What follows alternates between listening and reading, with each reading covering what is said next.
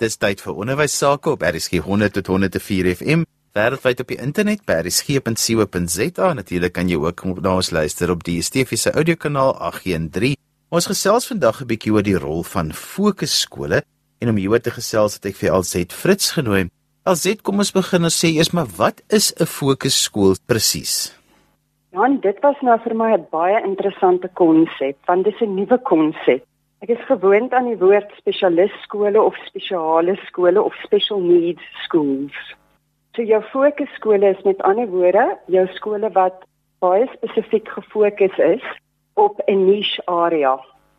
So as ons voorbeelde daarvan kan noem, dan is dit byvoorbeeld jou skole wat spesifiek fokus op die ontwikkeling van die kunste.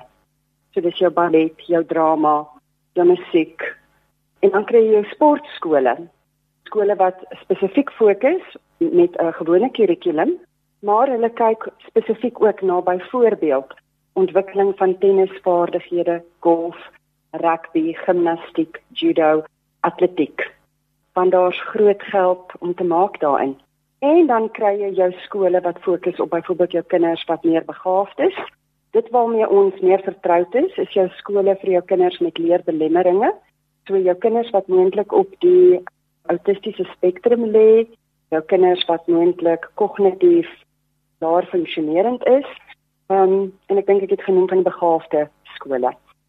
Daai almal val op die ou einde onder fokusskole want hulle het 'n baie spesifieke fokus wat nie net na die gewone kurrikulum kyk nie. Hulle het spesifieke niche areas. Wat is die voordele en die nadele van sulke spesifieke skole? Want as 'n mens hoor van 'n skool wat fokus in 'n area waar my kind iets nodig het of waar my kind kan vorder, dink 'n mens, "Ooh, dis die antwoord." Maar ek weet daar's baie voordele, so wat is hulle? Maar daar is ook aan die ander kant van die spektrum nadele aan verbonde. Ja, ek gaan eers begin deur te sê daar's groot debatte veral onder opvoedkundiges, onderwysers, ook sielkundiges rakende die voor- en die nadele van insluiting teenoor uitsluiting. Dis eintlik waaroor dit gaan. Jou fokusskole sluit sekere kinders in en ander word uitgesluit. Baie keer is hierdie fokusskole kostes daaraan verbonde is moontlik hoër want daar word spesialis onderwysers of spesialis toerusting in daai skole gevind. So dit het onmiddellik die implikasie sekere kinders kan nie daai skole bywoon nie want hulle het nie noodwendig die finansies of die fondse daarvoor nie. In spite van die feit dat daar dalk moontlik beurse beskikbaar kan wees, is dit nie noodwendig toeganklik vir die groter populasie nie. Dit is nie baie van hierdie skole nie, so jy kry dalk 'n kind wat uitsonderlik talentvol is, kan nie daai skool bywoon of 'n kind met 'n spesifieke leerbelemmering en die naaste skool is dalk in 'n ander provinsie. So jy kind moet op die ou einde moontlik 'n koshuis bywoon. Dis van die nadele. Die voordele kan wees dat ja, daar is meer fokus area, fokus energie, ondersteuning wat gebied word op daai spesifieke area. So as ek nou net byvoorbeeld 'n voorbeeld noem. Jou kind wat uitstekend goed presteer en jy kan al op 'n jong ouderdom sien hierdie kind het 'n baie spesifieke sporttalent of 'n kunstalent en jy wil graag hê dit moet ontwikkel word want op die lang termyn ek het gesê daar's finansiële voordele daarin. So nou gaan jy jou kind in daai spesifieke skool sit. Gewoonlik is dit meestal hoërskole, dis nie noodwendig laerskole nie. Jy gaan ekstra geld daarvoor betaal sodat jy kundige mense kan kry om daai talent te ontwikkel. Jou kind voel moontlik, veral nou jou kinders wat sê nou maar leerbelemmeringe het, van jou kinders, nie almal nie voel moontlik ook rustiger, gemakliker, want daar's ander kinders wat soos hulle is. So hulle voel nie hulle hulle, hulle word uitgesluit in terme van hulle is anders nie. Jy kry egter ook die die teenargument van jou kinders wil juis nie na 'n spesifieke fokusskool toe gaan nie, want hulle wil nie anders voel nie. So daar's altyd jy moet weer eens na die individu gaan kyk. Um, wat is die motiveringsrede waarom jy die kind in so 'n skool sit? En dan moet jy op die ou net die voor en die nadele gaan opweeg. En dan het jy die voordeel jy so gesê spesialistkundig is wat daai spesifieke area kan ontwikkel. Die nadeel is, ek het nou melding gemaak daarvan, geld. Dit kan ouers moontlik baie meer kos om hulle kind in daai spesifieke skool te sit. Het sy dit daai sportskool is of die kindskool of die skool vir leerbelemmeringe, begaafde skool, dis maar net van voorbeelde. Baie keer sal ouers hulle self in 'n finansiële nood sit. En op die ou einde plaas dit weer druk op daai kind. So die kind kry die boodskap: Ons betaal baie vir jou om hierdie skool by te woon. Get with the program. Jy moet hard werk, jy moet presteer. Nou dis nou vir al jou kinders byvoorbeeld in die kunsteskole, sportskole, skole vir begaafde kinders. Kinders hoor die heeltyd daai boodskap. So as ek nou veral dink aan my kinders in hoërskool, deur 'n moeilike ontwikkelingsfase gaan. Op die beste van tye is dit nogal vir hulle moeilik om hulle aandag te fokus op die akademie. Nou moet hulle nie net akademie fokus nie, hulle moet ook op daai spesifieke niche area fokus in 'n tydsfase wat alreeds vir hulle baie uitputtend is. En dan kry hulle die boodskap van die ouers. Ons betaal baie, ons werk baie hard hiervoor. Jy is ondankbaar. Jy doen nie goed genoeg nie. So die kind kry die hele tyd daai negatiewe boodskap van my kinders wat eintlik vir hulle dalk as 'n geskenk moet wees, want daar word spesifiek aandag geskenk aan hierdie spesifieke talent. Die ou einde wil van hierdie kinders nie meer enige energie in instort in daai spesifieke talent nie. En dit wat aanvanklik vir hulle lekker was, wil hulle dan ook nie meer doen nie. Dit moet ouers bewus wees van. So ouers moet ook vir hulle self afvra, hoekom sit ek my kind in hierdie fokusskool? Dit nommer 1 omdat ek regtig my kind se beste belang op die hart dra. Dit iets wat ek weet my kind wil hê, is dit iets wat vir my kind genot bring?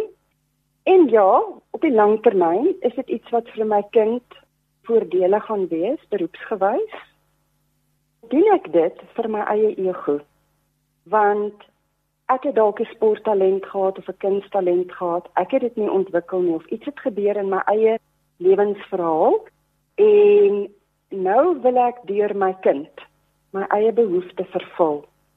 En dit beteken ouers moet baie mooi introspeksie gaan doen. Wat is die motivering om hulle kind in daai skool te sit? dit vat nog 'n hele intelligensie, baie reflektiewe vaardighede om jouself in die spieël te kyk en vir jouself af te vra vir wie sondhawe doen ek hierdie en wie gaan baat hierby? Daar's genoeg verhale van byvoorbeeld ons sportmense wat op baie jong ouderdom baie druk ervaar het. En dan doen hulle aanvanklik baie goed en dan hier vroeg in hulle 20's dan kan hulle nie meer nie. Dan hou hulle op, hulle onttrek en hulle het uitgebrand. Hulle sien nie meer kans nie. Die ander negatiewe nadeel is op die ou einde veral as ek nou gaan kyk na my skole vir my kinders wat 'n um, leerbelemmering het. Ek het nou gesê vir van my kinders is 'n voordeel, hulle voel hulle is tussen ander wat soortgelyk is. Ander kinders weer kan voel daar's 'n stigma. Hulle word geetiketeer en hulle is nie deel van die samelewing nie. So as ek nou gaan kyk na my my skole vir my blindes, die dowes, hulle het spesifieke onderwysbehoeftes. Vir van my kinders werk dit uitstekend, want hulle saam met ander mense, hulle voel hulle is nie alleen nie. Hulle kry die nodige ondersteuning, maar aan die ander hand kan ander weer voel ek sou baie graag eerder in 'n hoofstroomskool wou wees met ander kinders wat in aanhalingstekens normaal is. En ek sê dit in aanhalingstekens want normaal ons kan 'n baie lang gesprek oor normaal hê. So dis van die goed wat 'n mens op die ou einde vir jouself baie mooi moet gaan opweeg. Voordele, nadele, vir wie se onthaalwe doen ek dit? Hoe gaan dit my kind op hierdie tydste baat, op die langtermyn baat en dan moet ons in ag neem ons stuur ons kinders skool toe om hulle op die ou einde toe te rus om die samelewing van diversiteit veral in Suid-Afrika te kan oorleef. Het ek wil uitkom by 'n ding wat ek dink baie belangrik is en dit is dat ouers moet seker maak dat as 'n kind na 'n spesialis skool toe gaan, die pad daarna uh, maak dit tog steeds eh, 'n uh, tersiêre opleiding as dit 'n keuse is wat ons graag vir ons kind wil hê moontlik en natuurlik ook akkreditasie van so 'n spesialis skool is alles in plek dat wat die kwalifikasie wat die kind verwerf dat dit nog steeds iets werd is om ook dan nou weer 'n verdere pad te kan oopmaak vir 'n beroepsrigting. Al het hulle al die praktiese ervaring gehad, is daar genoeg akkreditasie sodat dit wel iets werd is op papier vir wat hulle ook nodig het. Ja, daar is ontsettende belangrike een want ons sien deesdae ontsettend baie satellietskooltjies wat op sampioen. Hulle kom net oral op. En jy moet baie mooi jou huiswerk gaan doen om te gaan kyk word dit geakkrediteer deur ons onderwysdepartement met ander woorde binne die Suid-Afrikaanse stelsel en dan ook buiteland. Sou jy met ander woorde jou kind later oor see wil stuur om daar te gaan studeer of verder hulle talente te ontwikkel. So jou eerste vraag wanneer jy dit oorweeg om jou kind in 'n fokus of in 'n spesiale skool te sit, is vanaf 'n administratiewe oogpunt, dan vanaf die Suid-Afrikaanse onderwysstelsel, wat is die akkreditasie? Word dit erken op die regte plekke deur die regte mense?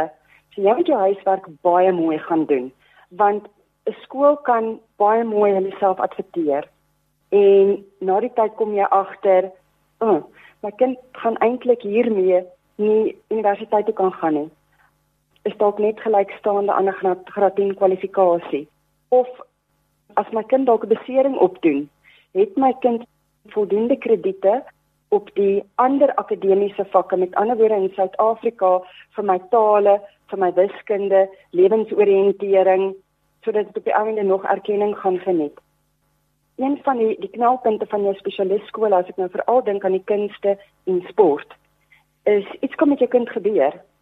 So jy stuur jou kind, jou kind is uitsonderlik in in sinema rugby. Jou kind doen 'n besering op. Jou kind gaan nie 'n Springbok rugby speler word nie. Wat dan? Jou kind moet 'n plan B C hê om verder te gaan studeer en daar is die akademiese kurrikulum en die voldoening aan die vereistes in Suid-Afrika ontsettend belangrik. En so gesels LZ Fritz, sy's opvoedkundige sielkundige. LZ as mense met jou wil kontak maak, hoe kan hulle dit doen? Ek gaan weer eens my e-posadres gee. Uh, anders gaan ek dalk nie um, voldoende slaap kry nie as ek my selfoonnommer gee. So my e-posadres is my naam E L Z E T T E onmiddellik gevolg deur my van F R I T Z syfertjie 1 @gmail.com. Ons het gesels oor wat is die rol wat fokusskole speel in ons Suid-Afrikaanse onderwysstelsel. Jy kan weer na vandag se program luister as 'n potgooi, laai dit af by resgep.co.za. Volgende gesels ek met Dr. Yuri Joubert en ons praat 'n bietjie oor die rol van klein groepe wat in 'n klaskamer bestaan. Yuri, wat is die rol van hierdie klein groepe binne klaskamers en dan sommer daarmee saam wat die vereistes is en wat die kompleksiteite rondom dit is en of onderwysers daarin opgelei is. Dit is so ek wil graag begin op met, 'n ander draai by dat as ons nou kyk na skole dan help die tradisionele metodes wat ons in ons klasse gebruik nie regtig baie goed nie. En ek verwys veral hier na wat 'n onderwyser voor in die klas staan en hy praat en nou wil die kinders sit vir minute en hoop die ure nie en luister wat wat natuurlik nou nie die beste manier is nie. So van die grootste foute wat ons gemaak het ook in die afgelope paar dekades is dat ons ons onderrig soort van bou op die beginsel dat alle kinders is dieselfde. So one size fit all en ons kyk na asof een kind 'n variant van ander kinders is. So ons probeer op dieselfde manier met alle kinders te werk 'n ander groot probleem is dat ons 'n standaard kurrikulum het met 'n absolute voorgeskrewe assesseringsbeleid. So ons kan nie eers kinders assesseer op verskillende maniere omdat hulle op verskillende maniere leer nie. Dink dis 'n groot hindernis vir ons. En dit is so dat uh, om onderwysers te kry wat staan en praat, pas nie onderwyser, maar dit pas nie die kinders dat hulle kan uh, kan leer nie. So ek dink wat 'n mens hiervan praat is dat jy eintlik praat van die basis vir enige pedagogiek vir die vir die 21ste eeu en daarna. Want as jy mens nou gaan kyk sien nou maar 'n land soos Engeland, uh, werk klein groep uh beplanning is wat hulle in die skole en in klaskamers mee besig is. Want dis die manier waarop onderwysers aandag kan gee aan spesifieke inhoude wat spesifieke kinders op hulle eie soort van vaardigheidsvlak stimuleer en hulle dan ook help. ek dink my eie ondervinding ook met met kleiner groepe is dat dit dadelik 'n baie goeie dissipline veroorsaak.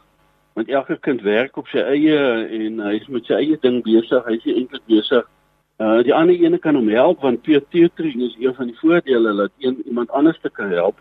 En ek dink dit die die die tweede iets hiervan is dat kinders geleer om onafhanklik te werk en hulle eie ding te doen en ek dink ook dat as jy dit reg beplan dan kan jy kinders ook genoeg uitdaag om dit te doen. En as hierdie pedagogiek reg is, kan moderne tegnologie ons help om spesifieke kinders uh, dan te help.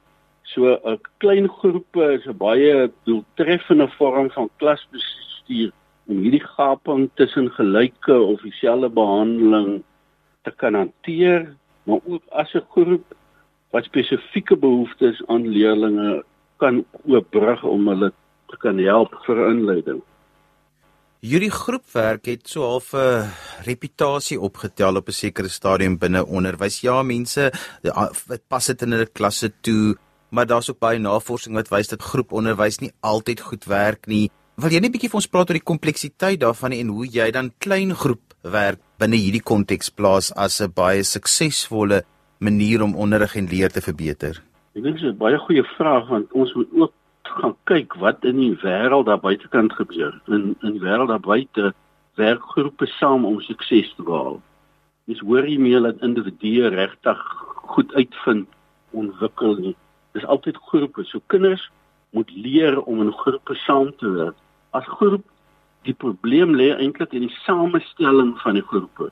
As 'n groep saamgestel word net om die kinders besig te hou, teenoor dat 'n groep word soort van opgestel en saamgestel dat die kind moet kan leer en ek dink van daai goed wat 'n mens moet gebruik is dat die inligting wat van leerders moet dan in 'n groep geplaas word wat min of meer op dieselfde vlak is of dieselfde werk doen en dieselfde tyd raamwerk met leerders met verskillende vermoëns en behoeftes in verskillende groepe laat funksioneer.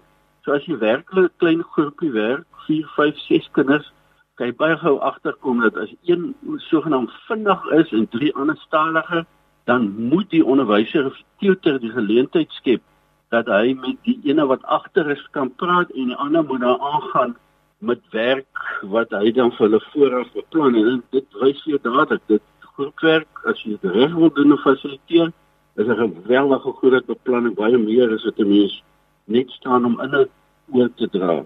En en, en ek dink ook die voordeel van 'n klein groep is, is dat 'n mens gefokusde terugvoering kan gee.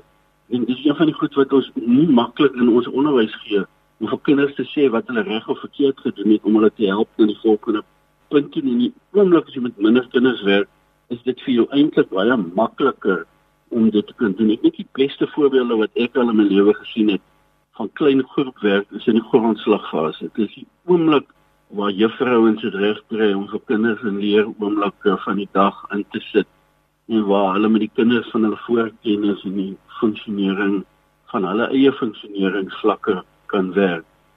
Dit is tog vir my ook interessant hoe dit vir 'n verrassing vir vir tutors en vir onderwysers is dat as hulle in klein groepe werk, moet die sogenaamde rustelose leerders wat onbetrokke is en wat hulle dan sogenaamd swak gedra, baie minder probleme skep want hy sit tussen minder en hy moet sy deel doen want die onderwyser sien hom of die tutor sien hom en hy kan hom dan baie maklik dan uh, kan help in dit. Uh, en ek dink vir my is is eintlik die heel belangrikste iets is dat as 'n mens 'n klein groepies werk, dan werk jy nie van uit, uit 'n sogenaamde kurrikulum, maar jy werk van die punt waar die kind is en jy probeer vas te stel wat sy agterstande is, jy werk spesifiek met hierdie agterstande ek sien dit vir myself dat 'n kurrikulum is amper soos 'n see. Die branders kom in en en wie ook al in die see is, dieselfde grootte met dieselfde selfde krag gaan hulle tref. En dis is ons ook kurrikulum. Maak nie saak hoe klein of groot die mense wat in die see staan, dieselfde brander gaan optref. Was eintlik 'n metaforiese gesprek eintlik en sê mens moet eintlik maak waar goeie dokters, sien nou maar kardioloog van vandag gebruik die tegnologie om presies te weet wat verkeerd is. En hy gaan nie eers met die niere in die en daai werk nie. Hy gaan net fokus op die hart. En dis wat 'n klein groepie maak. want jy fokus op waar die kind is, wat sy probleme is en hoe jy dit moet oplos. Hierdie klein groepe speel eintlik op twee maniere in 'n klaskamer uit. Die een is jy deel die klas op in groepe, maar jy werk met een groepie op 'n keer terwyl die res van die klas met ander goed besig is of 'n stuk werk wat jy vir hulle gegee het en jy as onderwyser is dan by daardie groepie betrokke, maar jy kan ook klein groepwerk doen waar jy dan nou die gewone groepwerk situasie doen.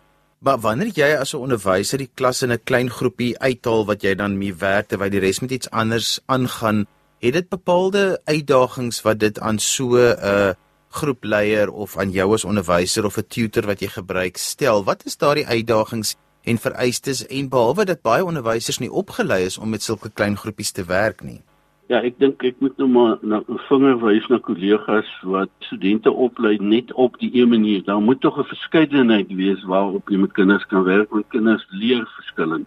So ek dink opleidingsinstansies sal juist die vraag wat jy nou vra met hulle studente moet beantwoord en voorbeelde gee. My eie agtergrond is die eerste voorbeeld wat jy noem, het ek baie mee te doen in multigraad skole waar daar 3 grade is, een onderwyser en dat dit soms as 'n voorbeeld kan gebeur dat party sit te werk oor geskiedenis, ander werk met aardrykskunde, ander met wiskunde en die onderwyser is so goed voorberei dat hierdie kinders se leermateriaal beskikbaar is en elkeen werk op sy eie tyd en dat die onderwyser dan die kans kry om by die kinders te kom wie hy kan help. So die tweede ene berus eintlik op hierdie tweede gedeelte wat ek nou van praat. So ek moet vir my tyd skep en maar dit sê weer ek moet baie baie goed beplan. Ek moet ook my tyd as ek dit doen baie goed beplan. Dat kinders kan werk en ek kan vasstel met 'n voor of 'n natoets of deur 'n gesprek wat is die kind se probleem? Een van die probleme wat ons het is dat sien nou in vak soos wiskunde dat ons die probleme kan identifiseer, maar ons het nie hierdie soort van denkpakkies reg nie. Noem dit nou nou scaffolding. Wat as hy iets nie kan doen nie, laat dit 3 4 goed eers met hom kan doen en terug kan doen om die probleem op te los. Swie.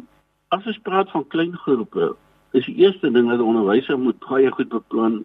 Hy werk na my mening baie harder as wat in 'n gewone klas staan waar hy net inhoud beplan en oordra want ek moet hier met kinders werk. Ek moet kinders op verskillende vlakke mee werk, moet die probleme identifiseer en ek moet seker maak dat daai probleem opgelos is. So ek gaan dit normale iets in klein groepe as die sessie verby is, sal ek vir alle kinders net 'n papiertjie uitdeel. Die Amerikaanse manier wat hulle praat van KWL wat jy vir hom vra sê vir wat se kennis het jy opgedoen? Wat weet jy nie? En die laaste een, wat wil jy nog graag leer? En dit daai antwoorde gebruik om jou volgende les te beplan. So klein groep dink ek is die oplossing om vir kinders in 'n klas werklik te laat leer, maar dan moet die onderwyser absoluut bereid wees om baie goed te beplan en deeglik te wees om op op die verskillende vlakke te kan kom. Julius onderwysers met jou wil kontak maak en verder wil gesels oor klein groep onderwys, hoe kan hulle dit doen? Wel hulle kan vir my of bel of hulle kan vir my e-pos stuur. My e-pos is kuber.yuri36 en dan @gmail.com.